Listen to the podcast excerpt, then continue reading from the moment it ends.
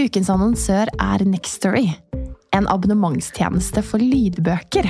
Der du får tilgang til ikke uendelig, men svært mange lydbøker på nett. Å ja. Et helt univers, rett og slett. For meg har det passet perfekt nå i vinterferien. For da har jeg hatt ekstra tid eh, til å gå lange turer og lytte til bøker. Og så har jo vi en date i kveld, eh, Ingvild.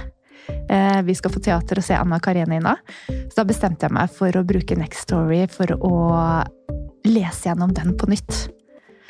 Og det er bare helt fantastisk roman fra 1870-tallets Russland som jeg anbefaler alle å utforske, fordi den er like aktuell nå i 2024 som eh, den gang den ble skrevet. Men det er jo så fint, da, ikke sant? Og uavhengig av om eh, man har vinterferie eller mer tid til overs, så har man også disse små lommene i hverdagen. Du kan ha boken på øret, og du kan brette tøy, eller du kan sette på en klesvask, en oppvask, whatever og dykke inn i dette universet. Og det er jo det som er så fint.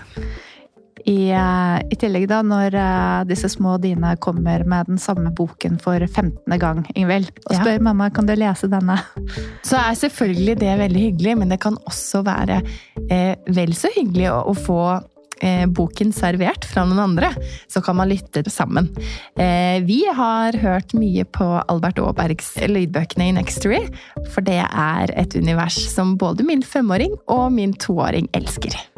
Ah, det er fantastisk. Man kan finne så mye flotte verdener og opplevelser i gode bøker. Og du som lytter til oss, kan nå få seks uker med fri tilgang til Next Story hvis du går inn på linken nextory.no engler. Så gå inn der. Bli med oss eh, og utforsk bokuniverset, og så håper jeg at du har like stor glede av det som vi har.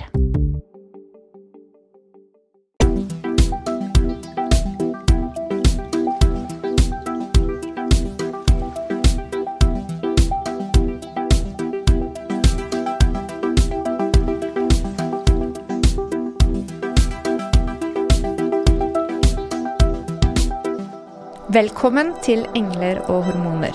Inspirasjon og ny kunnskap om helse, selvutvikling og livsstil.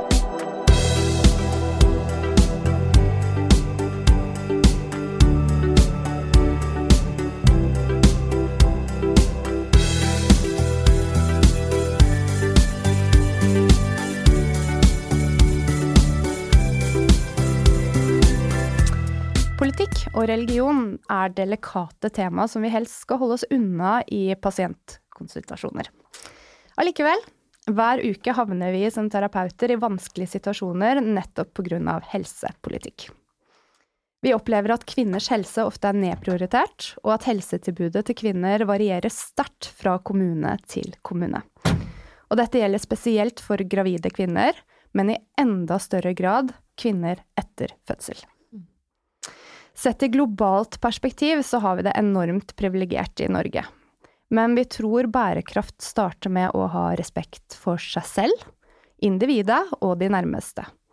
Og sett fra vårt ståsted og med den erfaringen vi har med å møte kvinner i klinikk hver eneste dag, så ser vi at det er store utfordringer med vanlige kvinnehelseplager i Norge. Dagens gjest er samfunnsdebattant, forfatter og leder i Ski Community. Hun er mamma, og utrolig vakker. Hun har en CV som inkluderer mange av de viktigste informasjonskildene for kvinner i dag. Og som en direkte følge av hennes engasjement har kvinner bedre rettigheter i primærhelsetjenesten. Hun er et forbilde for oss. Og i denne episoden så har vi som målsetning at Susanne Kalutza kan fungere som eh, vår og alle lytternes coach og mentor. Ved å dele sine erfaringer og kunnskap så kan hun motivere oss til å gjøre en forskjell. For deg, og for dine nærmeste, og for samfunnet. Hjertelig velkommen, Susanne Kalitza. Tusen takk! Veldig stas å være her. Har du kanskje lyst til å introdusere deg selv også? Ja, altså, nå gjorde du en veldig god intro der. Jeg heter Susanne Kalitza. Uh, ja, jobber, uh, jobber i Ski som eh, leder der, som er et selskap som jobber med likestilling. Før det så har jeg vært redaktør, og jeg har vært rådgiver, og så har jeg skrevet en blogg og skrevet noen bøker og vært journalist i Dagbladet. Og så driver jeg med liksom kampanjevirksomhet på si. Ja, det er på fritiden. Det er på fritiden. Ja, etter at barna har lagt seg. Ja. Etter at de tre barna har lagt seg? Etter at de tre barna har lagt seg, ja. Mm. Noen baker da, og noen eh, har sine sunne hobbyer og sånn, og jeg driver og pusler med kampanjer. Det er ganske fascinerende, for du er jo kanskje litt over snittet eh, samfunnsengasjert, eh, Susanne? Altså, jeg vet ikke helt. Jeg tror ganske mange er samfunnsengasjerte, egentlig. Men jo, jeg er veldig lett å fyre opp. Det er jeg faktisk. Ja. Men, eh, men, jeg tror kanskje at, eh, at det er veldig mange som er engasjerte, og så vet de ikke helt kanskje hvordan man skal få utløp for det engasjementet. Ja. Jeg opplever at det er veldig mange som ønsker å gjøre mer, og som brenner veldig for saker, og så, og så um, trenger å finne en måte å få utløp for det for, da. Ja. Um, så, så, det forsøker jeg å gjøre i de kampanjene mine, er jo um, å gi folk en, en, måte de kan kanalisere den energien, enten det er å skrive brev til stortingsrepresentanter, eller møte opp i demonstrasjonstog, eller skrive høringsuttalelser, eller gå med en maske for å markere støtte til en uh, drapstrua samfunnsdebattant, liksom. Mm. Um, så jeg har liksom troa på mennesker, da. Uh, og troa på at folk vil bry seg. Eh, men så er det lett å bli apatisk hvis man føler at det er ikke noe jeg kan gjøre for å gjøre en forskjell. Mm. Det vil jeg gjerne gjøre noe med. Men hvem er det som har uh, forma deg, da? Sånn opp igjennom? Som de fleste så er det vel mamma og pappa i stor grad, liksom. Ja. Eh, mora mi er veldig engasjert på så veldig sånn vanlig liksom norsk lærer, liksom leste aviser og fyra seg opp hvis det var noe hun syntes var urettferdig, eller hun syntes politikerne gjorde noe dumt eller noe bra, liksom. Mm. Så satt hun liksom og freste mens hun leste avisen ved frokostbordet, liksom. Så det kan jeg jo kjenne meg igjen i. Og så er det pappaen min som også Som har litt sånn annen bakgrunn i det at han han eh, sjøl har opplevd krig, for han er ganske gammel. Så han, eh, han, levde i Tyskland under andre verdenskrig og var barn da. Mm. Um, så det har jeg jo båret med meg. Så nå for eksempel når eh, alle driver og snakker om at man må ha destillert vann og sånn, og hermetikk, som er en debatt som går nå. Ja. Så jeg sånn, hæ, er ikke det helt vanlig? jeg vokste opp med at hele kjelleren er full av hermetikkmat, tørrmelk og dunker med destillert vann og gassmasker. Ja, så, for det har liksom vært pappas eh, greie, da. At hvis du har liksom Og jeg tror det er ganske naturlig hvis du har opplevd krig og sult sjøl. Eh, så er ikke det en sånn fjern mulighet. Det er en helt reell ting som kan skje i veldig siviliserte land i Europa. Mm. Eh, og da vil du gjerne være litt bedre forberedt enn det han var da, som eh, Altså, han var mellom fem og ni år da når krigen eh, Nei, fire og ni år. Mm. Tre og ni år må det være, for krigen begynte jo 39 i Tyskland. Eh, og så var han ni når krigen slutta. Og det er klart at da ja, Har du opplevd sult, så har du ikke lyst til å gjøre det igjen. Nei, du blir prega. Definitivt. Ja. Og det, det har jo preget han, og også preget meg, det at han er jo ekstremt opptatt av at alle har et ansvar for å sørge for at kjipe ting ikke skjer igjen. Mm. Eh, og at man kan ikke liksom forvente at alle andre skal rydde opp. Man må liksom ta aktiv, eh, et aktivt ansvar sjøl, da. Det har jo sikkert dryppet litt ned for meg også. Helt sikkert. Men eh, feminisme, da? Hva er det det betyr i dag? Altså, for meg så er det ganske enkelt. Det betyr at du vil at folk skal ha like rettigheter og muligheter. Mm og at det syns at folk skal ha uavhengig av hva slags religion de har, hva slags hudfarge de har, hva slags seksuell legning de har, og hva slags funksjonsgrad og hva slags kjønn de har. Mm. Det er liksom utgangspunktet mitt. Det syns jeg ikke er så mye for langt. Men vi er jo fryktelig langt unna på veldig mange felt. Mm. Og kvinnehelse er jo ett av de feltene hvor vi har en god vei igjen å gå. Ja, og det er jo det vi skal dykke litt mer inn i i dag, eh, Mona. Ja, etter hvert. Men jeg er nysgjerrig på dette med feminisme. For, for meg så er det som om det har blitt litt mer tilgjengelig for alle nå. Eh, det er mer inkluderende kanskje enn det det var for noen år tilbake. Sånn i historisk perspektiv. Ser du en utvikling eh, i forhold til feminismens rolle i eh, samfunnet også, at det er mer tilgjengelig for kvinner å engasjere seg i dag enn det det kanskje var for 40 år siden? Kanskje ikke for 40 eller for 40 år siden var det veldig mange som var veldig engasjerte. Men ja, jeg tror at feminismen er i stadig endring. Og jeg tror jeg, eh, jeg opplever sterkere engasjement nå blant ungdommen bare, eh, enn det jeg var når jeg var 16-17. Mm. Jeg syns at de som er unge i dag, jeg blir veldig glad av å snakke med dem. Mm, De har en helt annen bevissthet i disse tingene enn det, enn det jeg hadde som elev på Drammen gym, liksom.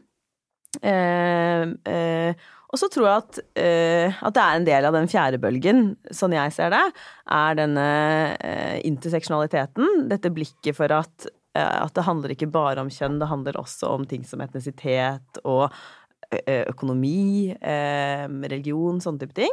Um, og, at, og at man kan være i en priv- privilegert situasjon i en, en Altså sett ut fra én linse, um, og ikke sett ut fra en annen linse. Så jeg som, som kvinne har noen utfordringer som jeg ikke ville hatt hvis jeg ikke var kvinne. Mm. Men jeg har også uh, veldig mange privilegier, siden jeg er da uh, norsk, etnisk norsk, bosatt i Norge, uh, har jobb, er cis-kjønnet, heteroseksuell.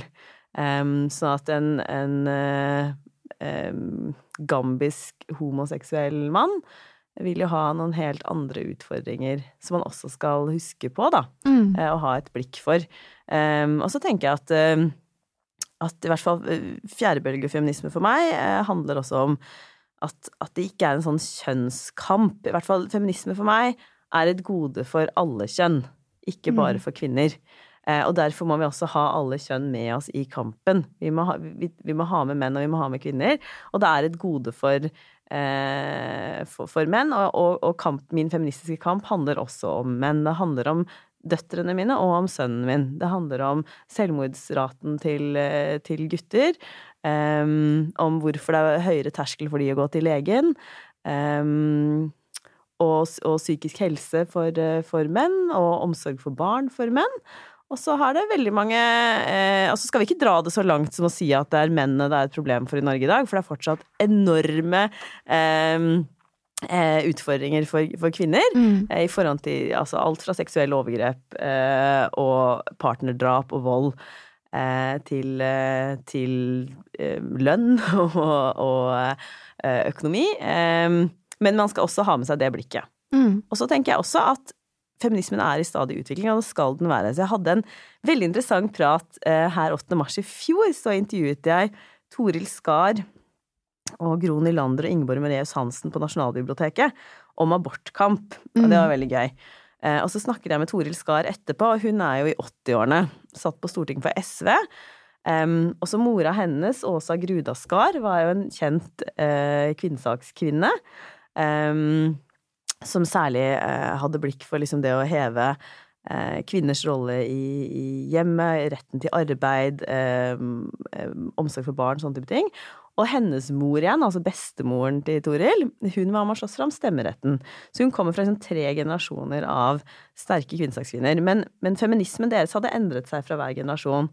Så hun sa til meg at mens bestemora hennes var veldig, veldig opptatt av likestilling, men det handlet om retten til, til, å, til altså stemmerett. Mm. Så hun sa, For henne så hadde ikke likestilling noe som helst med, med hjemmet å gjøre. Så hun sa liksom bestefar ville, ville sulte i foran brødboksen, eh, nærmest. Um, og så var moren hennes også veldig opptatt av likestilling, men da altså om arbeid og, og retten til å studere og, og om uh, for, forholdet til barn. Em, mens Torils kamp ble den seksuelle frigjøringen, og det Eh, det syns moren og bestemoren hennes var helt skammelig at hun Mm. tok opp, til tross for at de var da kjente kvinnesakskvinner og kvinnesaksforkjempere begge to. Så at hun ble kasta ut hjemmefra når hun ikke ville, ikke ville um, love å være sølibat til ekteskapet og slåss for retten til selvbestemt abort og sånn, ikke sant. Mm. Og så opplever jeg jo at denne generasjonen er veldig opptatt av eh, ikke sant, sånn at kjønn kan være flytende og sånne type Mm. ting. Og det har kanskje ikke så resonnement eh, blant, eh, blant eh, de som ligger noen generasjoner bak, og det er helt greit. Mm. Det er helt greit. Hver generasjon må få lov til å definere eh, sin feminisme og, og, og sine kjernesaker. Og sånn har det alltid vært. Så man skal ikke måtte føle at man eh, må være på en spesiell måte, og at det er liksom hugd i stein en eller annen gang på 60-tallet eh, Mm. hva feminismen skal være. Den er dynamisk. Dynamisk. Endrer seg med tiden. Mm. Hva er det du ser på som den største uretten? i dag, da, når det gjelder likestilling? Hvis man kan bruke det ordet? Ja, det blir liksom vanskelig å, å, å klassifisere. Det er masse smått og stort, så, men den største er jo Det er vanskelig å komme utenom liksom, tap av liv, da. Mm. Ikke sant? Så at, at uh, flesteparten av, av de som drepes av partneren sin i Norge i dag, er kvinner. Tror det er 90 eh, men nå sjekket jeg ikke opp de tallene på forhånd, jeg sjekket det opp før. Store, store flertallet.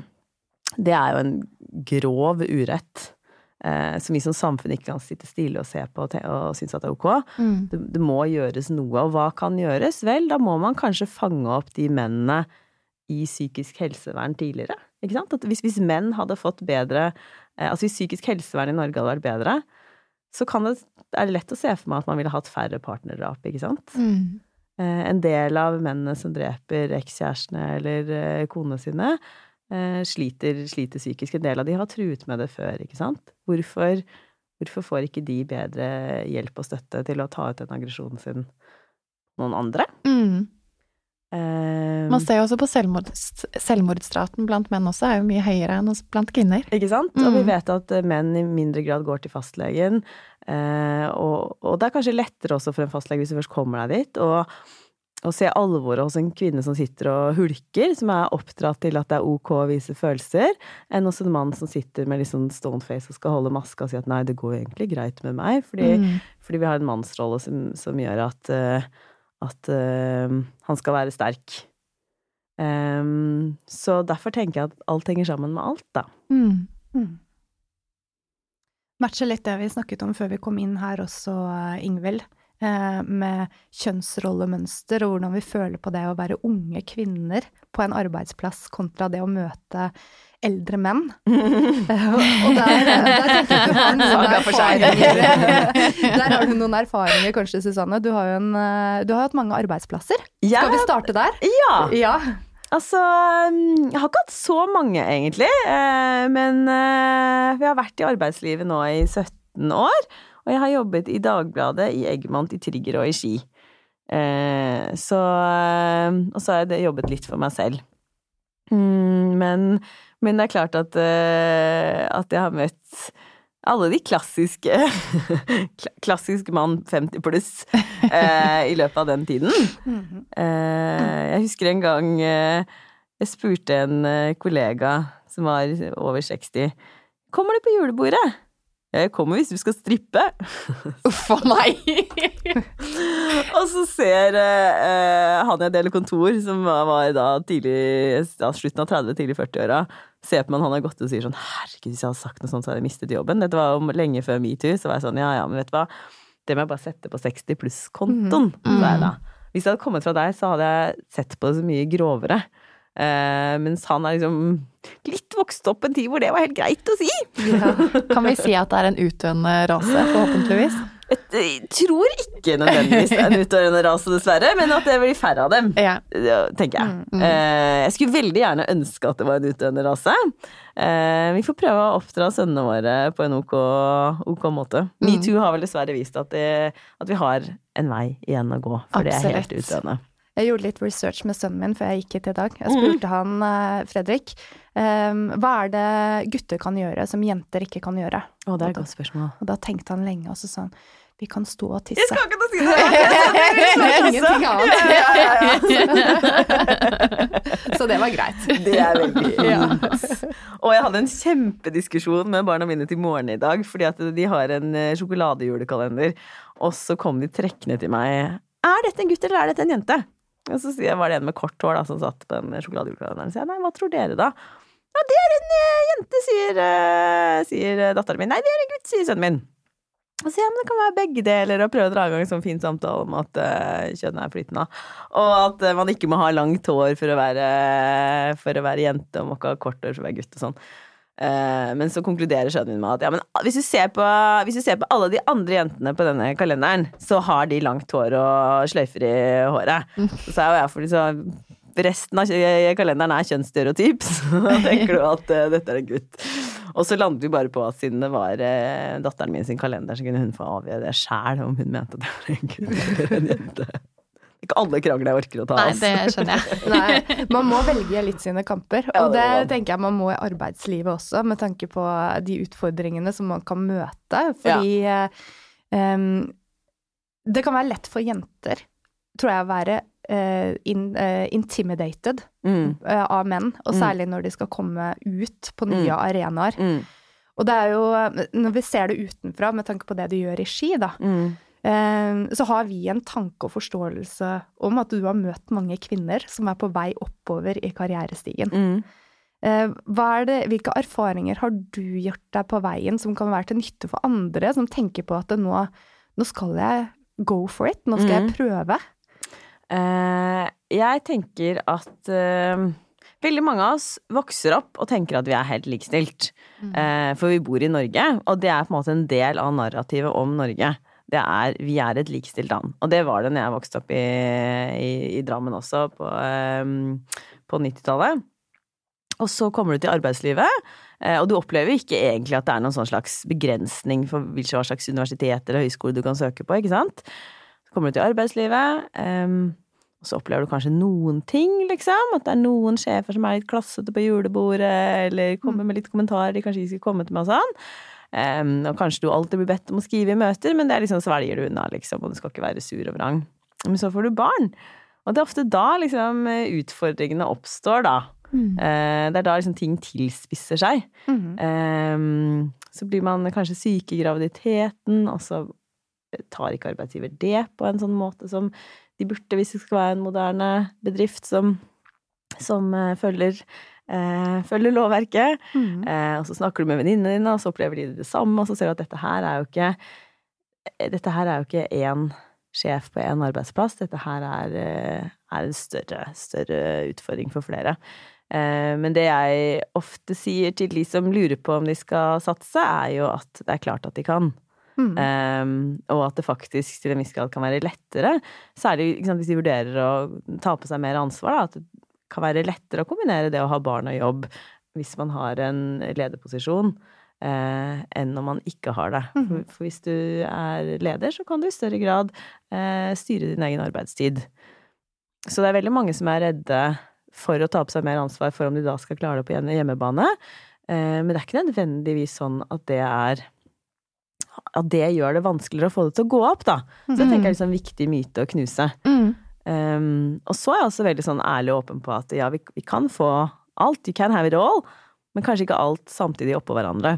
Mm. Så Beklager. Eh, det er jo mange som eh, som kommer til meg og føler at jeg er en sånn slags feministisk fasit av venninner. Og eh, sånn, hvis Susanne sier at dette er greit, så, eller hun vil sikkert synes at jeg må bare jobbe hele tiden og, og sånn, men Så jeg bruker mye tid på å si at det er helt ok å ta det litt med ro når man har veldig små barn. Mm. Du svikter ikke likestillingen som prosjekt av den grunn, liksom.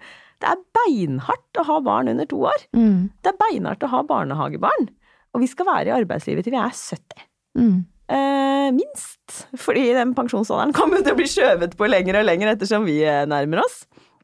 Eh, og da er, det, da er det helt ok og helt avgjørende at du klarer å lage noe rom for deg sjøl, og ikke tro at alle andre fikser alt. Så sånn, det er viktig for meg å være åpen på eh, at det er utrolig mye ting jeg ikke prioriterer og ikke er god på.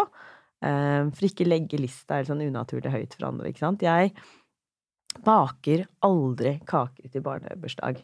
Ever. Mm. Eh, jeg kjøper sånne billige kaker på Coop, liksom. Eller jeg kjøper ferdiglagde boller. Og hvis jeg baker en sånn derre Beklager. Jeg har hatt syke barn i to uker nå. Ja. Hvis jeg baker noe eh, fra en sånn Toro-pose, så føler jeg meg som NM i husmor, liksom. Så jeg har liksom ingen forståelse for de som mener at det er skamfullt. For jeg føler meg dritflink hvis jeg har gjort det. Mm. Um, og huset mitt er slett ikke ryddig. Uh, og jeg får veldig sjelden trent. Um, og jeg har som sagt eh, ingen hobbyer. Jeg har noen tanker om noen hobbyer jeg har lyst til å ha i framtiden. Jeg har lyst til å lære meg å fekte, for eksempel. Det er kjempegøy. Ja, det tror jeg på. Det virker dritgøy. Ja, det er det. Og så er det elegant. Ja, det er Eh, langsiktig mål. Ja, det er flott. Men det, det går det an å gjøre bare på en lørdags ettermiddag, faktisk. Ja, men Bare på en lørdags ettermiddag så er jeg sammen med tre barn. Så det, det går bare an hvis jeg Sikkert tar etter klokka elleve også, etter at de har lagt seg. Ja, ikke sant? Ja, ja, ja. Så, så det tenker jeg sånn, en eller annen gang så skal jeg gjøre det. Men det har jeg ikke sjansen nå. En eller annen gang skal jeg også bli god på yoga. Men det, eh, eller i det hele tatt gjøre yoga, men det, og jeg veit at det er bra, bla, bla, bla, bla, bla, men eh, det har ikke jeg, det har ikke jeg tid til. Men Susanne, unnskyld Molla. Ja. Du fortalte jo tross alt at eh, da du hadde 24 timer husmorsferie på et hotell i Ålesund, eh, Åh, det var så bra. så hadde du jo allikevel noen hobbyer, da? Eller noe som du benyttet tiden din til? I, i jobbe. Jobbe? Ja, for jeg bomma nemlig. Det jeg fortalte før vi skrudde på mikrofonen, var at jeg akkurat hadde kommet tilbake fra Ålesund hvor jeg skulle holde to foredrag om kjønnsbalanse i næringslivet. Eh, og så hadde jeg klart å blingse på datoene, så jeg reiste opp en dag for tidlig. Og da var jeg bare sånn Ja, men herregud, så fantastisk deilig. Da får jeg to netter borte istedenfor én. Og da kan jeg sove. Så det er jo en veldig viktig hobby her på Sønn. Og så kan jeg sitte og jobbe i fred og ro. Eh, uten avbrytelser og uten å hente i barnehagen.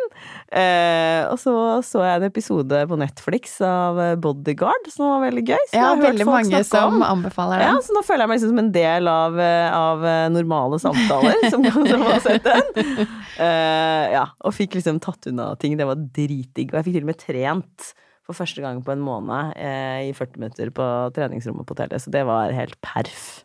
Så deilig. Jeg lurer jo litt på Jeg skal snart ut i permisjon.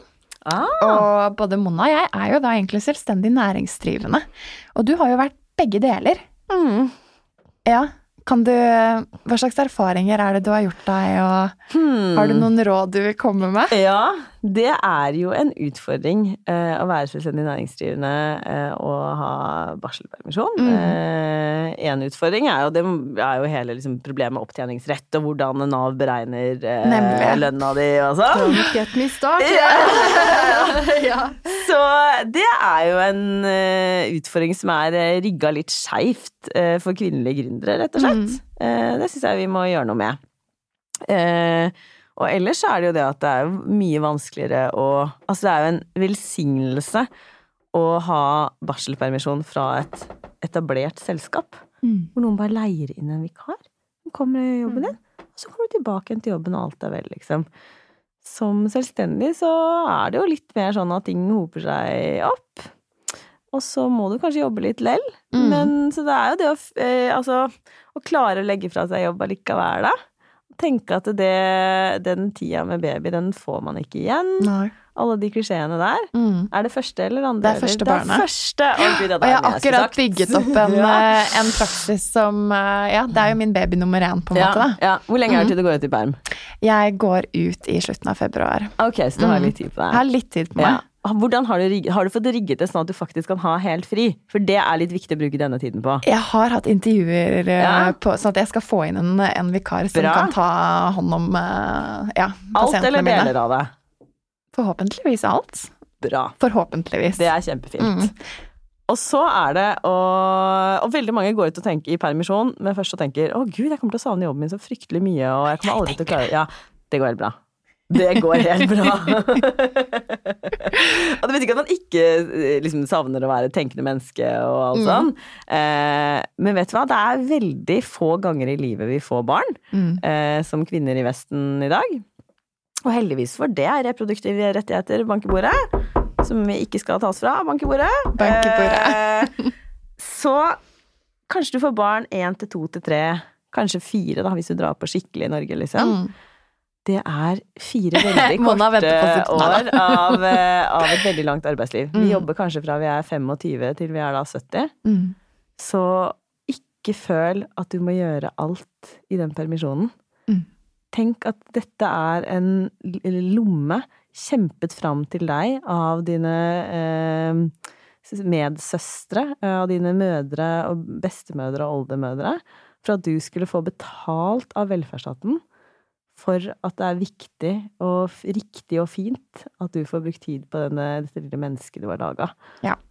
Eh, så det, eh, tro, det jeg tror alle gjør med nummer én, det er at man prøver å klemme drit med ting inn i permisjonen. Og bare sånn, ja nei, da skal jeg, og da skal jeg lese meg opp på de fagfeltene som jeg har vært interessert i lenge, og så skal jeg male det rommet, og så må jeg gå på sånn babysvømming for at den skal like vann. Nei, du må ikke det. Det du trenger å gjøre, er å chille. Mm.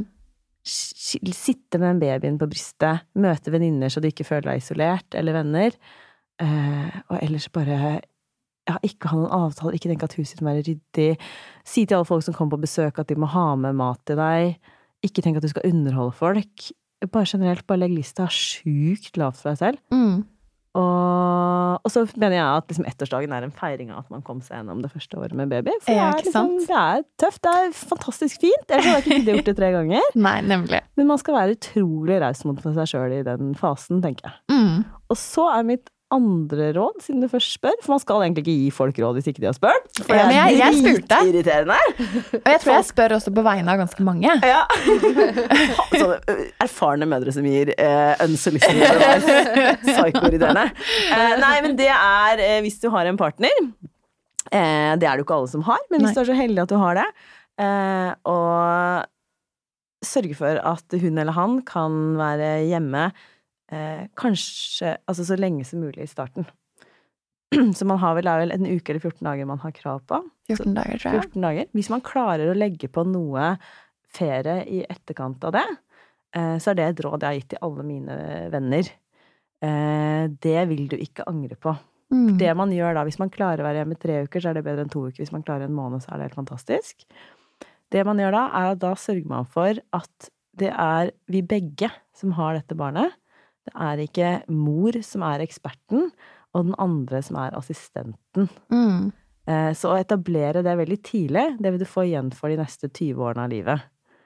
Eh, Sørge for at ikke jordmor på sykehus forklarer hvordan man skal bade babyen når partner ikke er til stede. Eh, Og sette ut så mange oppgaver som mulig egentlig til hun eller han. Og, og sørge for at den har noen ting som den er ekspert på. Så for min egen del så var det sånn Min mann tok alle bleiene.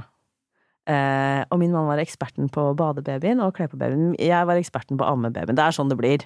Selvfølgelig. vi er Vi er jo på- anatomisk sett Ja. litt annerledes. Ja, eh, men at, at han da hadde et felt som han var bedre på enn meg, og at jeg liksom bare ga helt Altså, han kledde selvsagt på henne så hun så litt eh, ikke sant? Det var ikke akkurat kanskje sånn jeg ville kledd på henne.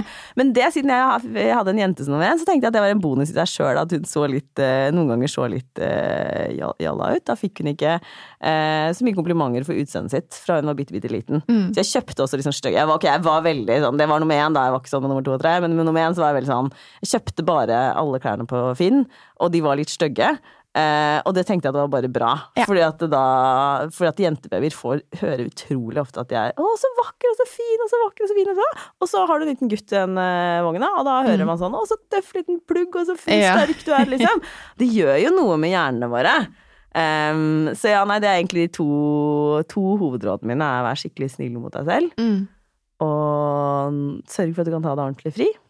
Og prøv at partner uh, har, eh, er hjemme mye i starten, og får, får lov til å være ekspert på ett felt som ikke du blander deg inn i. liksom. Ja, og fra et helseperspektiv også, det å la pappa eller mamma, medmor, eh, bade barnet. Mm. Det er jo kjempefint, for vi som mødre vi får jo tilknytning hvis man er så heldig å kunne amme. Mm. Mens eh, mannen kan jo føle seg litt satt, eh, tilsidesatt, eller medmoren. Mm. Jeg syns faktisk det var et av de beste rådene jeg har hørt på lenge, Mm. Susanne. Mm, og vi jobber med dette her hver dag. Å, det var Så koselig. Og så amming er, en jobb. Så det vet sikkert du som jobber i helsevesenet fra før av. Mm. Men eh, det er veldig lett å tenke at det kommer til å gå av seg selv. Og det, det er liksom sånn vi rigget det i gamle dager, og sånn alle andre kulturer har rigget det, det er jo at man får et drøss med tanter og mødre og bestemødre eh, som har født barn før, som kommer og hjelper deg å få til ammingen. Og i tillegg så ville man eh, bare for liksom 100 år siden eller 50 år siden ha sett veldig mye mer amming sjæl. Eh, I det at moren din sannsynligvis hadde seks barn, Mm. Tanten din hadde seks barn, man bodde nærmere på hverandre, så vi ville ha sett utrolig mye amming eh, og ammehjelp eh, innen det var din egen tur. Det har ikke vi. Vi Nei, er vi som, har ikke det. sant? Vi er som Mm. oftest vokst opp med ett søsken eller null søsken, eller, og, og tanter og onkler som bor kanskje i andre byer, eller vi har i hvert fall ikke vært oppå de når de har holdt på med det. Um, så, og så tror vi liksom at vi skal bare fikse det helt sjøl. Til og med ikke kuer fikser det helt sjøl. Til og med de må ha hjelp til å, til å Noen ganger til at kalvene skal koble seg på riktig.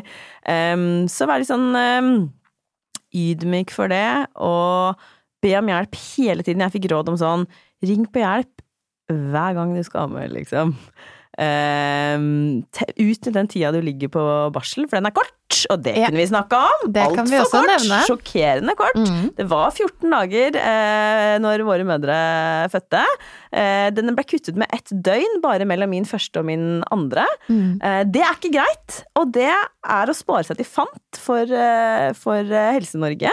Eh, fordi da får du tro Altså jo kortere liggetid man har på barsel, jo eh, mer ammeproblemer får du. Og jo mer ammeproblemer du får, jo større sjanse er det for barseldepresjon. Mm. Eh, så det er dust. Men da må vi ta konsekvensen av det for oss sjøl og prøve å liksom tyne mest mulig hjelp og råd ut av den tiden man har der. Og så hvis man allikevel sliter Jeg syns det var dritvanskelig å satt og grein i en uke før jeg fikk det til amminga. Virkelig bare, bare blå og lilla, og det var mm. vondt. Um, så Ammehjelpen er jo gratis. Eh, der kan man ringe og få hjelp fra noen som har gjort det før. Mm. Og så er det også sånne kompetansesenter for amming, og man kan også dra tilbake på barsel og få hjelp.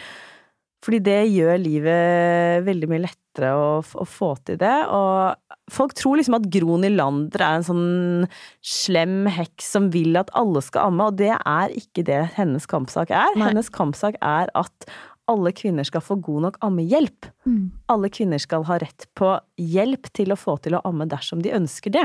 Og så har hun jobbet beinhardt for at helsepersonell skal ha god nok utdannelse og være flinke nok til å gi ammehjelp. Men til tross for hennes eh, livslange arbeid for å få til det, så får man fortsatt liksom halvdårlige eh, ammehjelp på sykehusene. Da er det vikarer som er innom eh, og, og, som ikke, ikke, helt vet hva de snakker om. Man kan få motstridende råd, man kan få det man selv vet er dårlige råd om ammeskjold og sånne ting. Um, så jeg heier veldig på Gro Nylander og den fantastiske Hun burde være gjest i podkasten for øvrig. Den fantastiske mm. jobben hun har gjort for kvinnehelse. Mm. Ja, helt enig. Uh, ja, det er uh, Puppen kan bli blå, både amming og de draggrepene du får på sykehuset for å prøve å plassere riktig. Men uh, en av de tingene som vi er veldig opptatt av, både når det kommer til graviditet og arbeidsliv mm. og etter fødsel og eh, hvordan kvinnen har det psykisk, men mm. også funksjonsmessig for å være klar for å komme tilbake til arbeidslivet, det er dette med bekkenbunnsdysfunksjon, mm. som vi ser veldig ofte både i graviditet og etter fødsel. Og tallene er store, så store som at en tredjedel av kvinner cirka opplever lekkasje av enten urin, avføring eller luft.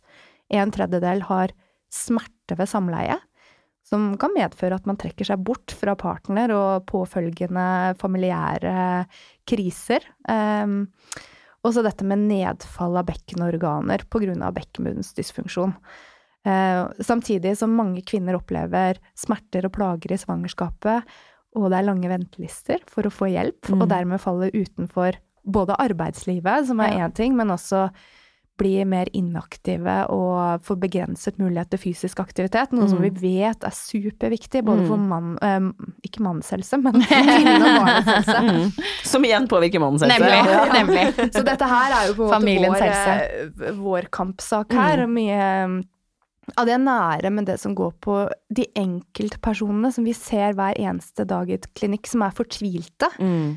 Um, nettopp også fordi at de, de, har ikke mulighet til å delta i dette barsellivet som du mm. beskrev i sted. Mm, også mm. tiden etter fødsel og permisjonslivet, der mange mm. forventes å være aktive. og mm. De drar ikke på babysvømming ikke fordi de skal ta det med ro, men fordi de ikke tør ikke, ja. å ta på seg eh, eller ikke badedrakten. Eller ikke, fordi de ikke klarer å gå eh, ennå. Og de har uh, ikke uh, sex med mannen sin, ikke fordi de har vondt i hodet eller er slitne, men fordi de ikke tør, fordi de er redd for lekkasje og mm. pinlige situasjoner. Mm. Og de sliter med fysisk aktivitet og komme mm. seg etterpå nettopp mm. pga. disse begrensningene. Og det, mm. der ser vi et stort hull i mm. Helse-Norge, og faktisk så store forskjeller mellom bydel og bydel i Oslo ja, ja. på hvor lang tid det tar å få hjelp. og dette er rammer en tredjedel da, av 60 000 norske kvinner som føder hvert eneste år. Mm. Og det rammer en tredjedel av de som føder, men de fleste får mer enn eh, et barn. Ja. Så når man liksom adder det opp, så er mm. mitt inntrykk er at dette er majoriteten av norske kvinner dealer med et eller annet mm. innenfor spekteret av det du beskriver. Så dette er mm. et stort tema eh, som jeg ofte diskuterer med mine venninner. Eh, og bekkenløsning er som de fleste har, eller første graviditet kanskje greit for noen, men innen man liksom drar på seg litt flere graviditeter, eh, så, så, så dukker det veldig fort opp. Og, og, selv så kunne jeg ikke gå i en måned etter eh, siste fødsel. Kunne jeg fortsatt ikke gå ned trappen. Mm. Eh, på grunn av bekkenløsning og bekkenlåsning. Og jeg har opplevd akkurat det du sier i forhold til vanskeligheter med å få hjelp i tide. Mm. For det er jo en deadline, på en måte, med, for når du, når du, må få hjelp eh, for at det der skal, skal, skal bli bra. Og, og med altså, første graviditet superlett. Eh, andre graviditet fikk jeg litt bekkenløsning på slutten. Eh, men da rakk jeg ikke å få noe ordentlig Eh, liksom fysioterapi som ville lindret smerter eh, ved å gå og sånn, fordi at så føder du, liksom. Mm. Og så mhm. er helsevesenet litt sånn ja ja, men dette går jo over når du er født allikevel. Mm. Eh, så er det jo ikke alltid de gjør, eh, er det ikke alltid de gjør det. Og med, var, eh, med barn nummer eh, tre så hadde jeg bekkenløsning fra Altså det var egentlig sånn jeg merket at jeg var gravid. For at jeg var sånn Oi, der kommer bekkenløsningen igjen. Ja. så det betyr vel at jeg burde ta en graviditetstest, da. Mm. og så når fødte jeg i slutten av april, men jeg husker 8. mars, da skulle vi gå sånn stort demonstrasjonstog. Og da var jeg egentlig så dårlig form at uh, uh, Gro Nylander, uh, som jeg da drev og kjempet mot reservasjonsretten sammen med, foreslo at hun skulle ordne en rullestol fra hjelpemiddelsentralen til meg. Eh, for at jeg skulle i det hele tatt komme på 8. mars-toget. Så jeg vet, det blir litt melodramatisk, Ro.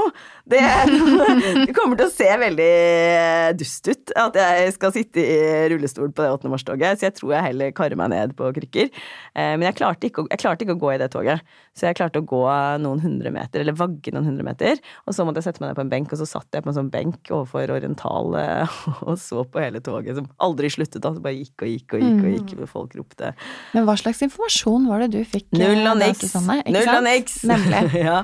Så det er jo også en av disse kampsakene, da. Ja. Og så fikk jeg veldig god hjelp til slutt, så det må sies. Eh, eh, når jeg endelig liksom fikk hjelp eh, hos en fysioterapeut, så var det veldig små ting som skulle til for at ting ble veldig mye bedre. Nemlig. Uh, og det frustrerer meg helt enormt, og derfor er dette noe jeg da tar med venninner som er gravide også.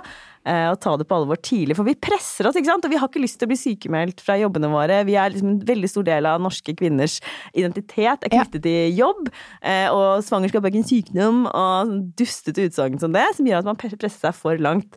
Og for eget vedkommende så vet jeg at hvis jeg hadde tatt den bekkenløsningen på alvor litt før, og tatt noen forhåndsregler i forhold til sånn bekkenbelte og Eh, gå baklengs i trapper og eh, ikke bære vesker skeivt, alle sånne ting, så hadde ikke den blitt så ille som den ble. Da hadde ikke jeg vært praktisk talt invalid i liksom fire måneder. Jeg klarte ikke å gå, jeg klarte ikke å stå, jeg klarte ikke å sitte. Siste to månedene av eh, siste graviditet så lå jeg i, på sidelengs med pute mellom bena og liksom varmeflaske i ryggen eh, og så på dårlige serier på Netflix, liksom. Uh, og jeg husker også at mora mi sa sånn Kan du ikke sette i gang fødselen? Liksom. Jeg var, Mamma, det er ingen som setter i gang en fødsel fordi det er vondt, liksom. Uh, men uh, det burde være bedre. Og så har jeg venninner som har slitt videre. Jeg har vært veldig heldig som ikke har hatt noen plager etterpå. Men jeg har venninner som har bekkenløsning ennå, flere år etter fødsel. Ikke sant? Og jeg har venner som, som har hatt andre fødselsskader, og som kanskje har måttet operere eh, i ettertid mm. eh, på grunn av det du snakker om, eller lekkasjer. Mm. Så her er det en sånn enorm sånn tabutematikk som vi som veldig opplyste ellers eh, kvinner ikke får informasjon om, mm. ikke er klar over. Og som man først liksom begynner å snakke om kanskje etter sånn to glass vin hviskende i en krok, ikke de som sant? allerede har født. Og nå tisset jeg litt på meg, eller Og så begynner man å le av det, og det er jo sånn at lekkasje, det er jo um, vanlig. Men er det normalt? Det, det, er en ting som jeg prøver å påperke hver gang profilerte bloggere eller toppidrettsutøvere kommer ut i media og sier at ja, til og med jeg tisser mm. på meg når mm. jeg eh, hopper eller blir taklet mm. eller uh, Altså, det er ikke kult, mm. fordi at det er et symptom. og Mm. det er et tegn på at eh, det er noe som ikke fungerer, og Mm. det kan eh, du få hjelp med. Mm. Så det er greit at det er vanlig, det syns Mm. jeg vi skal heie på, men det Mm. er ikke normalt, og kvinner skal ikke akseptere det. Nei, for det er det. Vi skal ikke Mm. akseptere det. Det er Mm. utbredt. Mm. Men, men eh, vi, skal, vi skal ikke måtte akseptere at, at sånn er det for alltid. Og jeg tror det er veldig mange som tenker sånn, i hvert fall mitt inntrykk av de eh, jeg snakker med. Veldig mange tenker at ja ja, jeg har jo født, så det er vel sånn livet mitt er resten av livet, da. Ja. Uh, For det er ingen leger som det er, altså, Du har ikke noe ordentlig sjekk etterpå hvor de forteller. Du har den obligatoriske seks uker etterpå-sjekken, men da sjekker du egentlig bare at du har sluttet å blø og at eh, ammingen funker, liksom. Det er ikke alle som går inn og sjekker eh, vaginalt. Nei, det må på plass. Ja, altså, som i Frankrike, det er for alle kvinner oppfølging av fysioterapeut etter fødsel, og en sjekk at bekkenbunnen fungerer normalt. Og da hadde så mange av disse plagene Mm, vært mm. unngått. Og sånn diastase i forhold til lukking av eh, magemuskler etter fødsel, det er noe man heller ikke vet noe om, og ikke får noe hjelp eller opplæring. eh. Forrige innspilling her i studio handlet om akkurat det, Ja, ja, ja. Så det må du høre på. Det skal jeg høre på en gang. Men uh, det som er eh, litt fascinerende, det er jo at fødsel i seg selv, det er jo en naturlig prosess som uh, kvinner skal igjennom for å føde et barn, uh, om de føder vaginalt. Men i dette området så er det ledd, leddbånd, muskler, og vi sitter med så mye kunnskap fra opptrening. Mm. F.eks. innenfor fysioterapi, og med leger også. Se på hvordan toppidrettsutøverne våre jobber når de har fått en bløtvevskade. Mm. De trener seg systematisk opp, og vi har jo masse forskning som Mm. viser hvordan man skal gjøre ting best mulig for Mm. å komme seg. Mm. Og denne kunnskapen, den hadde vært så lett å applisere på kvinner også. Mm. Eh, fordi det er Bekkenmuskelen blir strukket tre ganger sin egen lengde under fødsel, og Mm. mange får en avrivning av musklene. Mm. Dette trenger tilhelling, og det trenger opptrening. Mm. Der Og som alle andre steder. Ja. Mm. Og arve trenger behandling. Mm.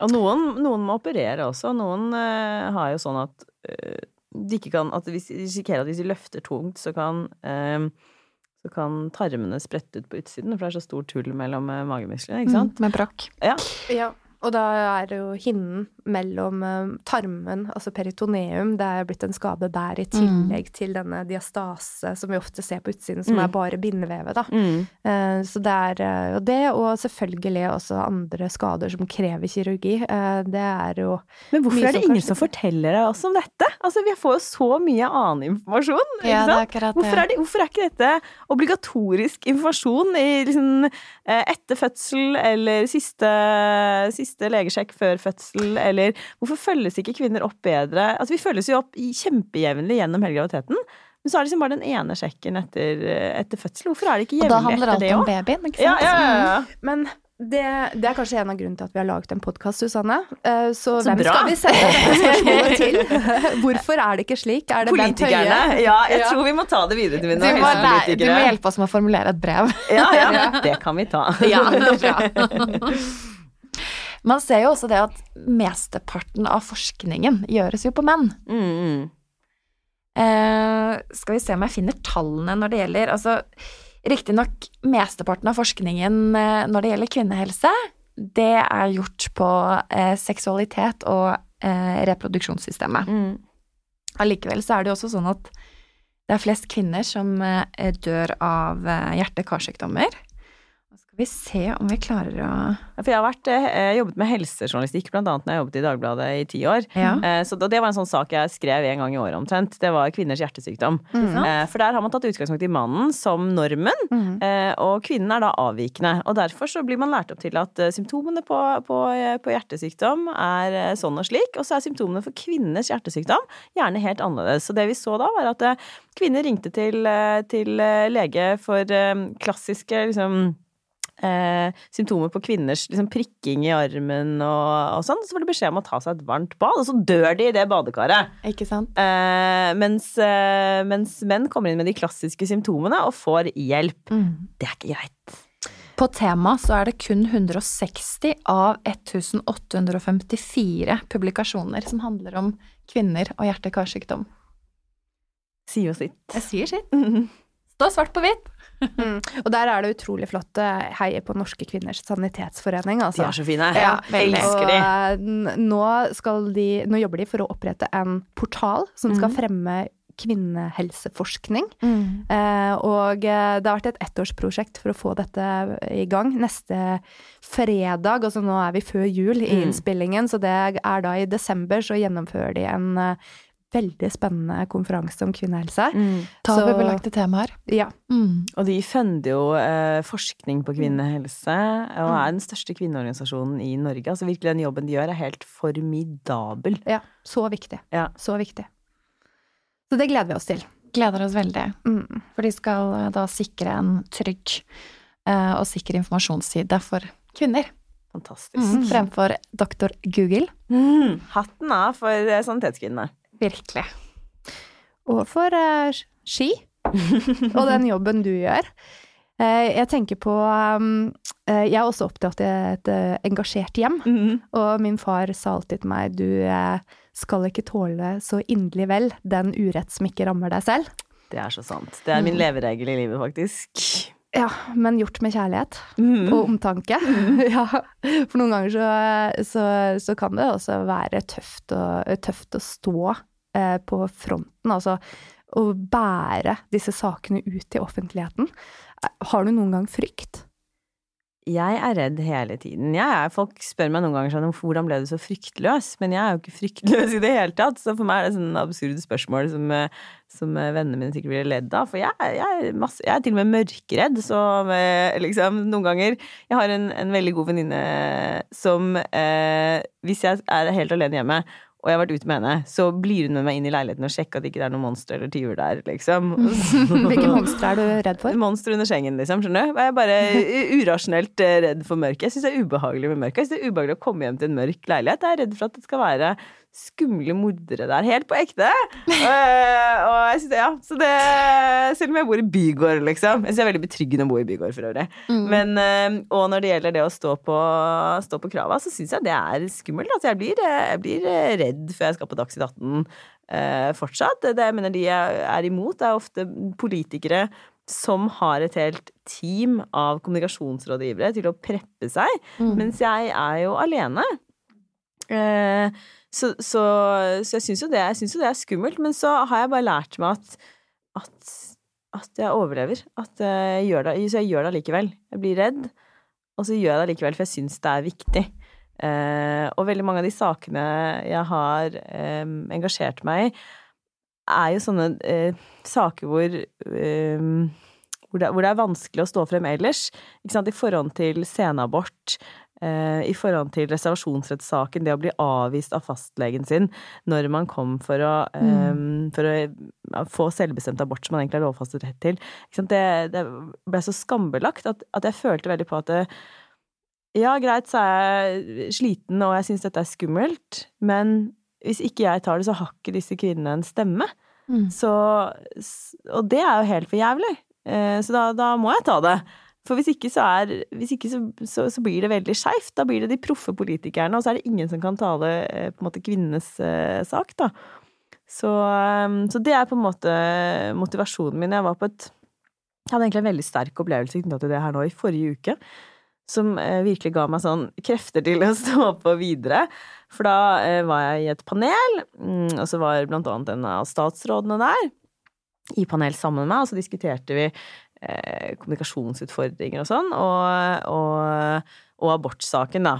Så holdt jeg mine rants om hvorfor jeg syns det er en ordentlig skittig idé Mm. å fjerne kvinners lovfestede rett til senabort dersom fosteret er sykt eller har misdannelser, eh, og erstatte det med at hun kan få lov til å spørre. Altså, det er en vesensforskjell mellom å ha en lovfestet rett på senabort ved sykt foster, og at du må be om det. Og norske kvinner har ingen rettigheter å miste. Mm. Um, så det er helt ugreit, og vi skal ikke tape denne kampen. Um, og så spurte han som var programleder, spurte ja, ok, Susanne, men uh, hvis ikke politikerne gir seg nå, uh, hva har dere tenkt til å gjøre da? Så må jeg presisere og si at det, det er ikke noe dere, da. Uh, altså dette her er jo ikke, Jeg er jo ikke noen del av en organisasjon som jobber for dette her. Dette her er jo noe jeg engasjerer meg i som privatperson uh, sjøl. Um, og så kommer det en jente bort til meg på, etterpå når jeg sto i, sto i kø eh, for å gå på do.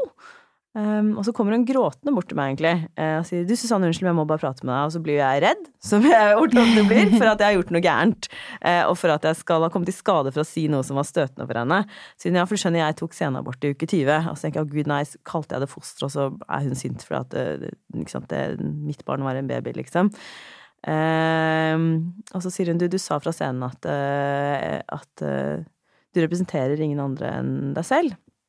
Og så må jeg bare si at jeg tok senabort i uke 20 i 2013, mm. eh, og det var veldig sterkt for meg. Og så jeg, jeg klarer ikke å snakke om det uten å begynne å grine noen gang.